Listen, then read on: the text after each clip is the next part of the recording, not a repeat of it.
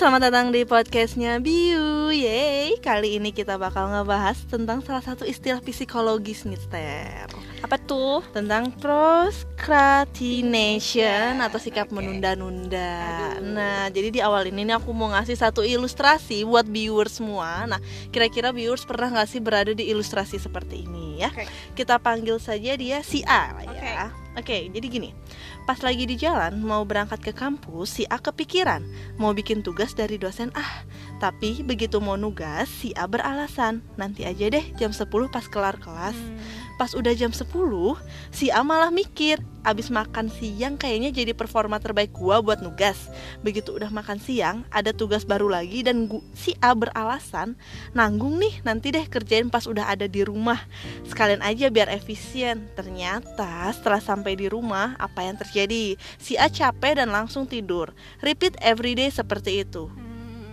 Menyeramkan kan jadi Iya, terus nunda nunda nunda, nunda nunda. dan akhirnya enggak dikerjain. dikerjain. Oke. Jadi sebenarnya apa sih ter procrastination itu atau sikap menunda-nunda nah, itu? jadi eh, procrastination itu adalah istilah gangguan psikologis yang Hmm. digunakan untuk orang-orang yang suka nunda-nunda. Hmm. Nunda apa nih? Hmm. Itu pekerjaan atau hal yang harus dilakukan hingga menit-menit terakhir meskipun hal yang harus dikerjakan itu bersifat high priority jadi skala prioritasnya tuh sebenarnya tinggi tapi dia begitu nunda-nunda Oke, gitu Jadi orang-orang dengan gangguan procrastination atau yang sering banget nunda-nunda Hmm. ini biasanya dia nggak produktif ya kan? Iya benar banget Terus rentan stres, dipenuhi rasa bersalah karena nggak bisa nyelesain tugasnya Iya tepat benar waktu. banget ya Hmm, Nah, bahaya ya. iya, iya. Sepele tapi bahaya. Iya benar, walaupun kelihatannya seperti masalah sepele Hmm. itu, nah itu bisa nge- ngerugiin si orang Si itu loh, orangnya. iya.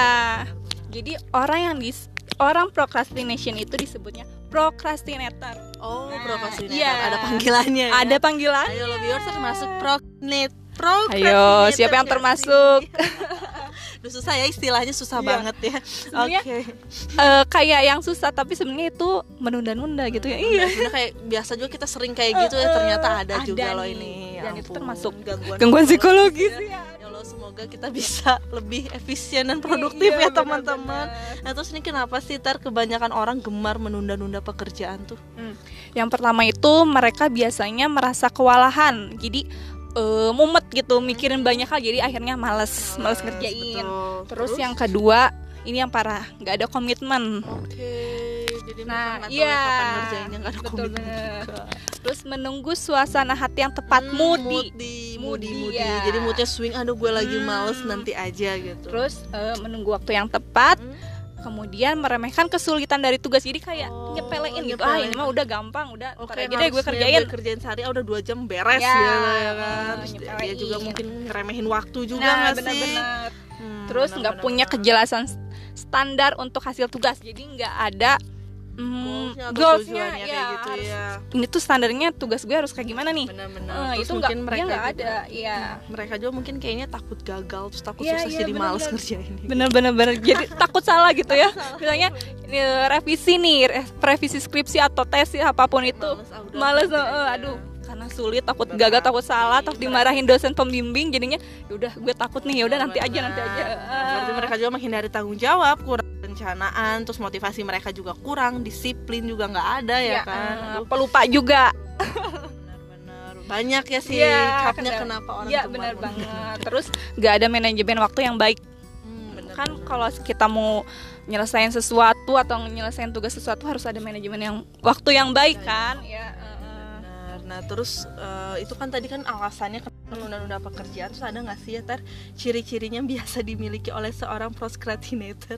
Hmm. Apakah kita termasuk? pasti apakah kita masuk Aduh soalnya aku deg-degan ini bawain Iya. materinya kayak merasa tersindir ya ya loh, benar Gimana nih? ah pastinya ada nih ciri-cirinya yang pertama itu penuh percaya diri Hmm. nah justru itu yang yang ciri-ciri kepedean Kenapa benar. bisa? jadi eh, seorang procrastinator itu biasanya sangat percaya diri bisa nyelesain satu pekerjaan dalam satu dalam Waktu waktu, singkat. singkat. misalnya nih ya kita mampu membuat pembukuan dalam waktu 2 jam jadi jika ada waktu 12 jam 10 jam bisa dipakai untuk bersantai dong jadi kayak nyepelein ya balik Oh, lagi iya, nyepelein bener. kayak itu. tadi nyepelein lagi Iya, ah, bener. ya, jam. Nah, padahal alasan sebenarnya karena males. Ya, aduh gimana nih males viewers? nih ya. Eh, takut tidak bisa. ya takut salah tadi Benar, ya benar. terus terus atau nggak suka nih pekerjaan itu jadi ah gue nggak suka nih ah udah nanti aja deh ah, bener terus yang kedua merasa selalu sibuk. Jadi so sibuk. Hmm, kayak udah nggak bisa ngerjain tugas akhirnya bingung dia mau ngerjain. Iya, bener. jadi merasa terlalu sibuk akhirnya membuat seseorang pro prokrastinator aduh susah ya. Susah jadi tidak mengerjakan tugas yang seharusnya dia kerjain. Misal nih kita merasa tidak bisa membuat pekerjaan karena harus membersihkan kamar sekaligus memasak jadi double job Double gitu job ya. gitu, bisa. Padahal pada akhirnya tidak ada satu nggak nggak ada yang kerjain. kerjain ya nah yang ketiga keras kepala. Jadi seorang Betul. prokrastinator itu merasa kalau dia sama sekali nggak bisa dipaksa sama orang lain. Nah ini karena adanya keyakinan dalam diri dia segala sesuatu harus diatur oleh diri sendiri atau harus menunggu mood bagus muncul dan sendirinya Oh iya, aku sering sih kayak gitu Oh, kadang iya. kayak Beb kerjain PR aduh males Hmm, gak ada pasti. mood pasti banyak dari kita sih sering kayak gitu ya termasuk Banget aku juga ya Oh, aku jadi merasa tertampar nih viewers ya oke terus gimana Ah. lagi sih ini ciri-cirinya Nah, terus yang keempat itu selalu menjadi korban, playing vic- victim. Playing. Yes. uh, jadi karena tidak bisa mengerjakan tugas dengan baik atau mendapatkan nilai jelek, seorang prokrastinator itu merasa dia adalah korban dari keadaan. Padahal nih ya, padahal nih ya, mereka tuh nggak sadar itu semua akibat dari kesalahannya sendiri. Jadi Iya sih, akib- benar-benar. kita merasa playing victim, padahal itu kesalahan kita sendiri, ya kan? Iya, bener. dia nyari alasan Iya biar nggak disalahin benar. Nah yang kelima itu suka beralih. Jadi eh, saat harus mengerjakan tugas, tiba-tiba kita ingin mendengar, mendengarkan musik atau Ah, menonton TV. jadi kayak distract gitu. Ya, jadi oh jadi- ya gue mau nugas gue buka YouTube ada saya ini nih ada yang seru nih, eh, nonton opa. Iya benar. Nonton apa? Wah itu aku sering banget sih Oh. ya. Viewers gimana nih sering banget gak sih lu eh, udah mau ya apa namanya mau ngerjain tugas buka laptop yang dibuka malah YouTube atau Netflix akhirnya sering nih, iya banyak yang kayak gini nih Banyak ya. banget. Heeh. Iya, nah terus Nah ini salah satu ciri prokrastinator yang sering dimiliki seseorang. Mm. Karena ingin menghindari tugas itu yang bikin takut, akhirnya si prokrastinator ini memilih untuk melakukan hal lain yang kurang penting. Oke, Jadi priority. nyari eh, apa ya alihan apa, ah pengalihan ini tapi nggak penting juga sebenarnya ya oke kayak Nah, gitu Terus nih kita kan ngerasa banget nih kalau kita ini ada procrastinator ya walaupun Mm-mm. belum edik-edik banget tapi kan pengen lah bisa move dan bisa Ya, benar menunda-nunda ya. lagi. Ada nggak sih tipsnya? Hmm, ada banget nih yang Gimana? pertama itu carilah bantuan orang lain atau bekerja dalam kelompok nah Oke. misalnya eh, kalau aku nih ya Hah? seorang penunda-nunda Hah. terus dalam satu kelompok tuh pasti Ada ada, ya oh, ada yang rajin jadi ke bawah-bawah Benar, nah jadi bisa jadi acuan buat Benar, kita benar. Heeh. Terus yang kedua. Terus yang kedua itu ciptakan kepanikan atau segera lakukan dan selesaikan yang harus dikerjakan. Jadi harus ada kayak shock terapi dulu. Oh, benar. Misalnya kita Heeh, heeh.